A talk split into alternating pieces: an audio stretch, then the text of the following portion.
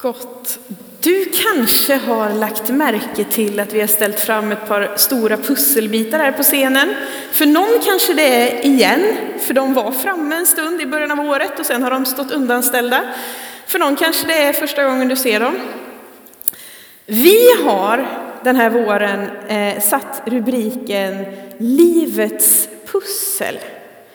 Alltså, vi har en liksom serie som sträcker sig över hela våren som vi har liksom sammanfattat med de orden. Och I den första delen vi hade så pratade vi om den stora bilden. Eh, kristen världsbild, hur ska man tänka, hur ska man förhålla sig och sådär. Eh, och nu kommer vi att plocka det lite närmare under några veckor. Vi är inte inne i hur du ska få till vardagspusslet här idag, utan mer kanske hur du faktiskt är en pusselbit i tillvaron och det finns andra bitar där. Eh, och vi ska starta igång den här delen med en rubrik som är identitet.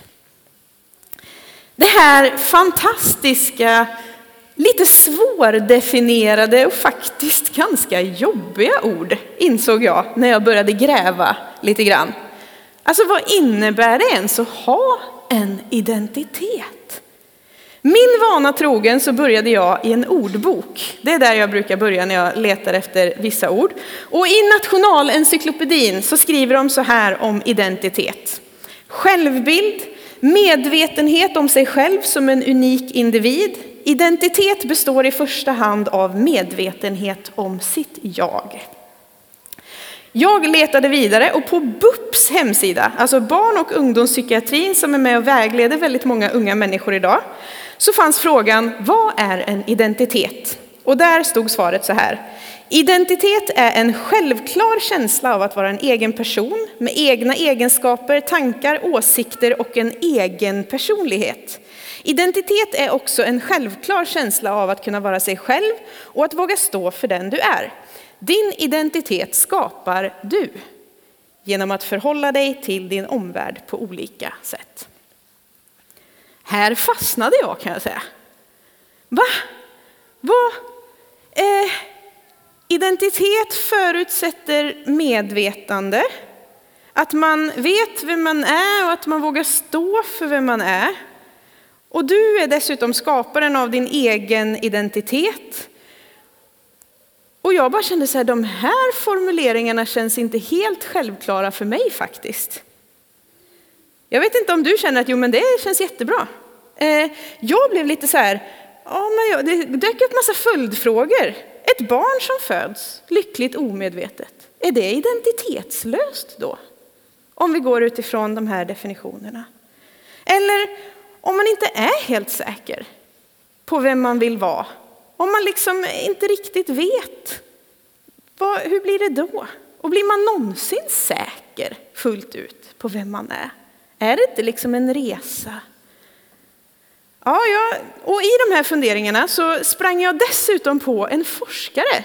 Forskare är lite spännande människor, för de har ju oftast tänkt ganska mycket om specifika ämnen. Och på Uppsala universitet finns det faktiskt en forskare som håller på att forska om historia och identitet. Och han skriver så här, det är sista så här ordboksgrejen vi, vi ska in i. Men han skriver så här, hur kunde identitet bli ett så stort problem i vår tid? För identitet har naturligtvis en historia. Att människor ställer frågor om sin identitet är ett, vad det verkar, relativt modernt fenomen. Philip Gleason argumenterade för många år sedan att det moderna identitetsbegreppet tog form inom samhällsvetenskaplig och psykologisk forskning under mitten av 1900-talet. Före andra världskriget användes inte identitet som en beteckning på vem man är. Hoppsan! Alltså innan mitten på 1900-talet, innan andra världskriget, så användes inte identitetsbegreppet på samma sätt som det görs idag. Betyder det att man på något sätt förutsattes vara någon utan att man behövde uppfinna sig själv då? Det är en lite spännande tanke att umgås med. Betyder det att allt var bättre förr? Alltså, men jag tänker så här, dagens ungdomar, jag jobbar ju främst med ungdomar. Dagens ungdomar får växa upp och höra att de kan bli vem de vill. De kan göra vad de vill och det är ju jättebra. Vi tycker att det är en rättighet de har, att drömma stort, att bli mycket. Men vad gör det med dig när allt du hör är att det handlar om dina val? Det handlar om din egen prestation. Det handlar om din egen förmåga att fatta beslut. Allt ligger i dina händer. Skapandet av din identitet, i förlängningen skapandet av din egen lycka, egentligen hela ditt liv, ligger i dina händer. Du är skaparen och allt beror på dig, på din prestation, på din förmåga och på din liksom, möjlighet att kunna veta vad det är du vill vara och bli det. Vad händer med en människa när livet inte blir som man hade tänkt sig? Alltså alla som har levt ett tag vet ju att det blev ju inte som jag hade tänkt. Har man levt ett tag så vet man att livet tar okonstiga vändningar. Vad gör det med mig när det inte blev som jag hade hoppats? Vad gör det med min självbild? Alltså det är ingen liten börda vi lägger på oss själva när vi på något sätt bestämmer oss för att vi är uppfinnarna av vår egen identitet. Vi ser hur samhället idag står handfallet. Den psykiska ohälsan bland framför allt unga människor fortsätter att öka i en takt som inte går att jämföra med någon annan liksom, ålderskategori. Och jag säger inte att allt var bättre förr, men jag tror att den goda intentionen att låta människan helt definiera sig själv utan ramar har gjort oss lite vilsna. Jag tänker att ingen annanstans så tänker vi att ramen ska bort. Överallt annars så tycker vi att det är rätt bra med lite ramar att förhålla oss till. Jag tycker om att köra bil, jag tycker om att skruva lite i bilar också. Och jag är ganska glad för friheten som bilen ger mig. Man kan ta sig ganska långt på ganska kort tid. Men jag är också väldigt tacksam för de ramar vi har i vårt land kring bilkörande. Alltså, jag parkerar mig, eller sätter mig, spänner fast mig i en liten plåtlåda, kör typ i 90 kilometer i timmen på en asfalterad väg och bara några meter bort så kommer det en annan människa i en liten plåtlåda i motsatt riktning som kör i 90 kilometer i timmen förhoppningsvis. Eh, jag är tacksam för högerregeln vill jag bara säga. Alltså vad hade vi gjort? Hur fort hade du vågat köra om du inte var säker på att den du mötte höll sig på andra sidan vägen? Ramen skapar ju en frihet här som vi kan njuta av. De flesta skulle påstå att vi lever i ett fritt land. Och hela vårt samhälle är ju byggt på ramar, på regler, på lagar som skapar den friheten som vi tycker att vi kan leva.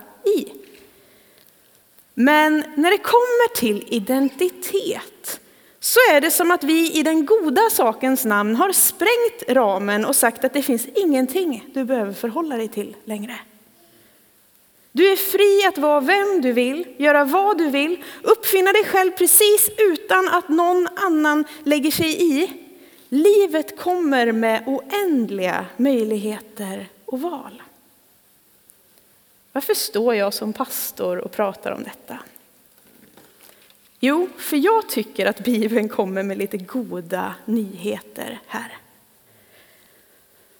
Bibeln säger att du behöver inte uppfinna dig själv. Du behöver inte skapa din identitet. Du har redan en. Gud har redan sagt någonting om dig. Och jag skulle vilja ta med dig in i tre tankar som Bibeln säger om dig. Som är identitetsbärande för en kristen människa. Det här är inte något du behöver skapa eller uppfinna själv. Inte någonting som du behöver liksom prestera fram, utan någonting som du kan välja att ta emot in i ditt liv. En ram att luta sig mot i det som är navigationen av livet. Min första punkt är att du är skapad av Gud, älskad från första stund. I Jesaja och Jeremia så står det några rader som vi ska läsa här tillsammans. Så säger Herren, din återlösare, han som har format dig sedan moderlivet. Jag, Herren, är den som har gjort allt. Den som ensam har spänt ut himlen och brett ut jorden. Med evig kärlek har jag älskat dig. Därför låter jag min nåd förbli över dig. Jag vet vilka tankar jag har för er, säger Herren, nämligen fridens tankar och inte ofärdens för att ge er en framtid och ett hopp.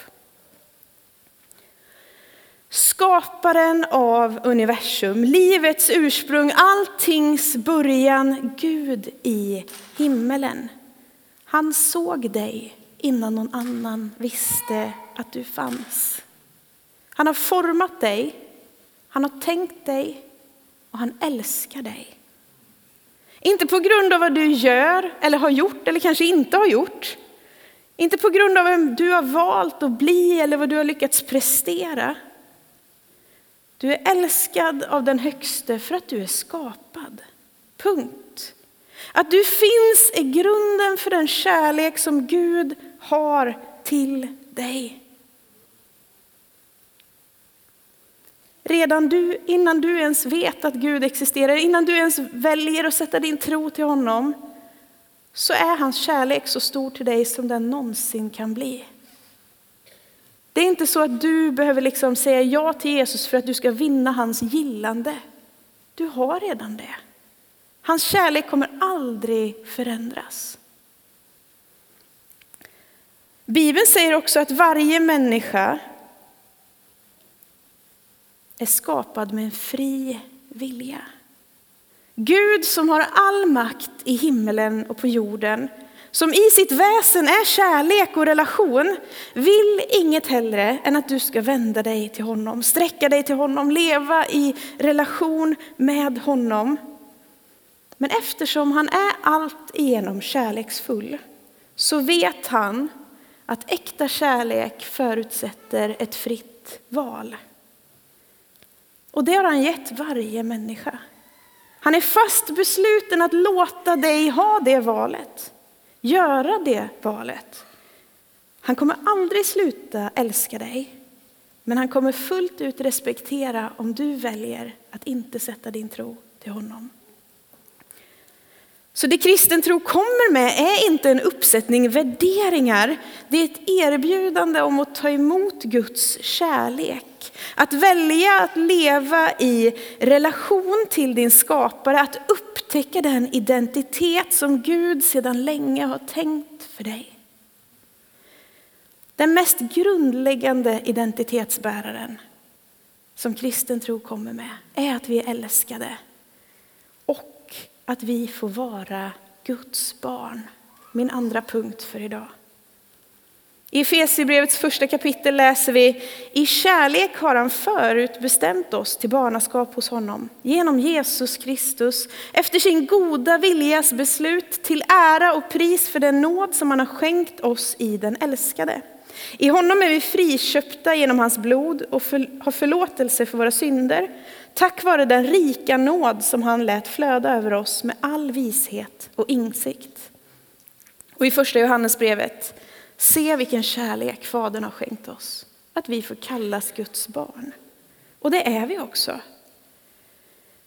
Du, Gud längtar efter att du ska ta emot tanken om att du får vara hans barn. Det är hans plan för dig.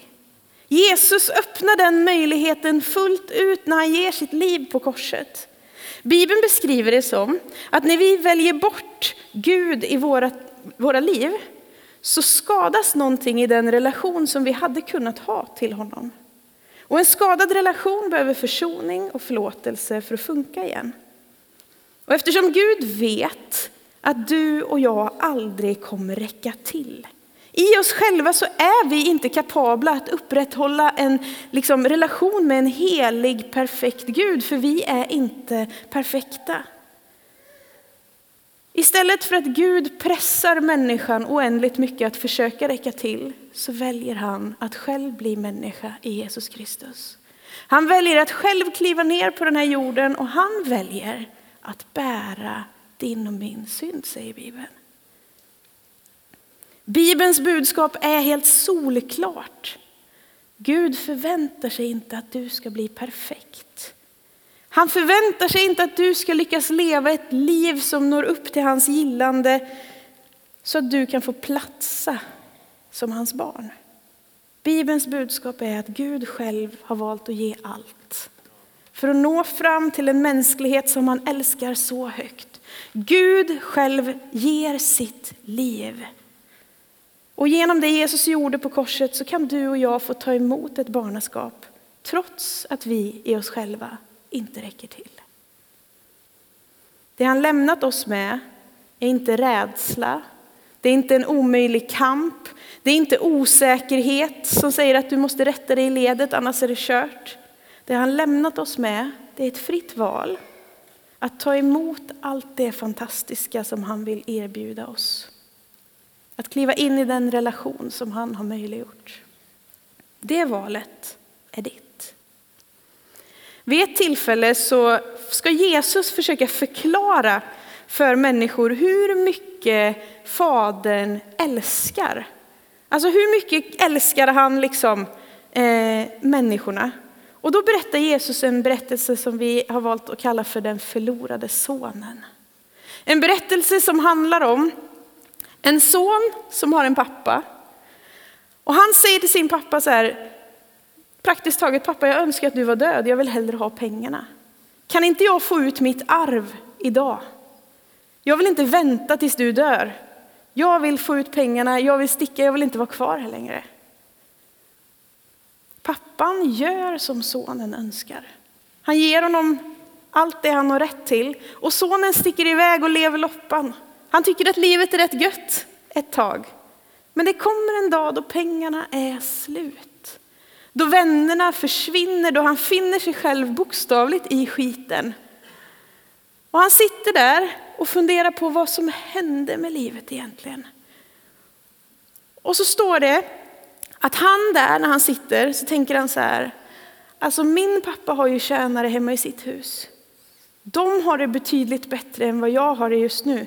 Tänk, alltså pappa kommer nog aldrig kunna förlåta mig, det skulle nog aldrig, men om jag kanske skulle kunna våga gå dit och liksom skrapa lite med foten och be om att få bli liksom ändå en arbetare i hans hus, då vet jag ändå att livet skulle bli lite liksom mer bra.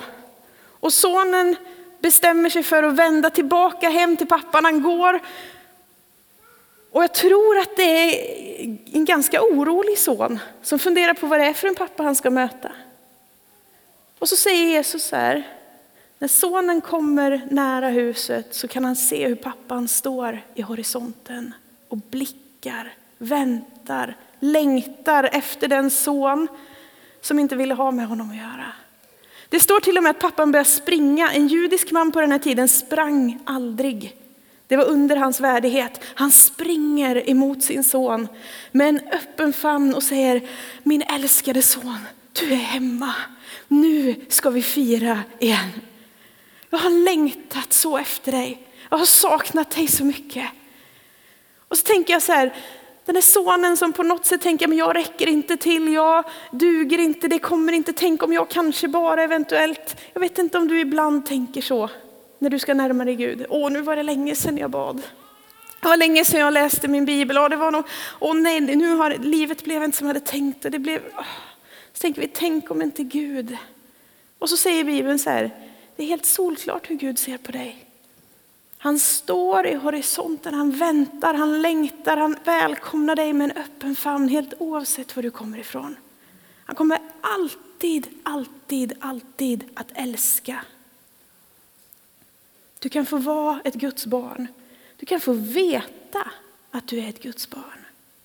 Och med barnaskapet kommer en tydlig identitetsbärare till som jag tänker att tron erbjuder. Det är min tredje punkt idag. Det är församlingen, eller kyrkan, eller familjen. Kärt barn har många namn. Har man en pappa med många barn, då har man per automatik en familj. Ett kristet liv är inte ett liv liksom, som är ett solorace där du ska klara dig själv. Ett kristet liv är ett liv i relation till Gud själv och till andra människor som är troende. I Efesierbrevet 2 kan vi läsa, därför är ni inte längre gäster och främlingar utan medborgare med de heliga och medlemmar i Guds familj. I första Korinthierbrevet står det att kroppen är en och har många delar.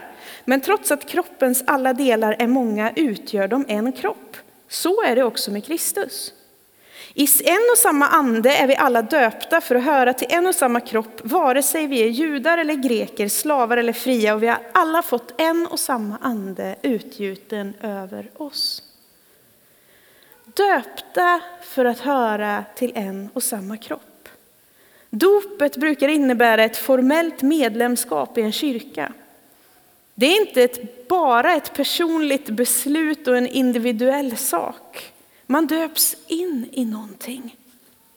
Tillhörigheten till Jesus och till hans familj, till kyrkan. Och Paulus sätter fingret på något viktigt här tycker jag, när han väljer att använda bilden av en kropp. Olika delar som tillsammans blir mer än vad de hade kunnat vara själva. Det är så Gud har tänkt. Det är inte meningen att du ska komma till kyrkan och bli som alla andra. Gud har inte sagt liksom, kom till kyrkan så blir du en kristen och så stöper vi dig i en form och så går du ut härifrån, ser ut som alla andra sen. Du vet, Gud har tänkt att du ska vara du. Han har ju varit med i att skapa dig från första stund. Han säger så här, du är unik, du är speciell, du är en egen person med talanger, med gåvor. Och i mötet med andra, tillsammans med andra, så kan du bli mer än vad du hade kunnat vara i dig själv.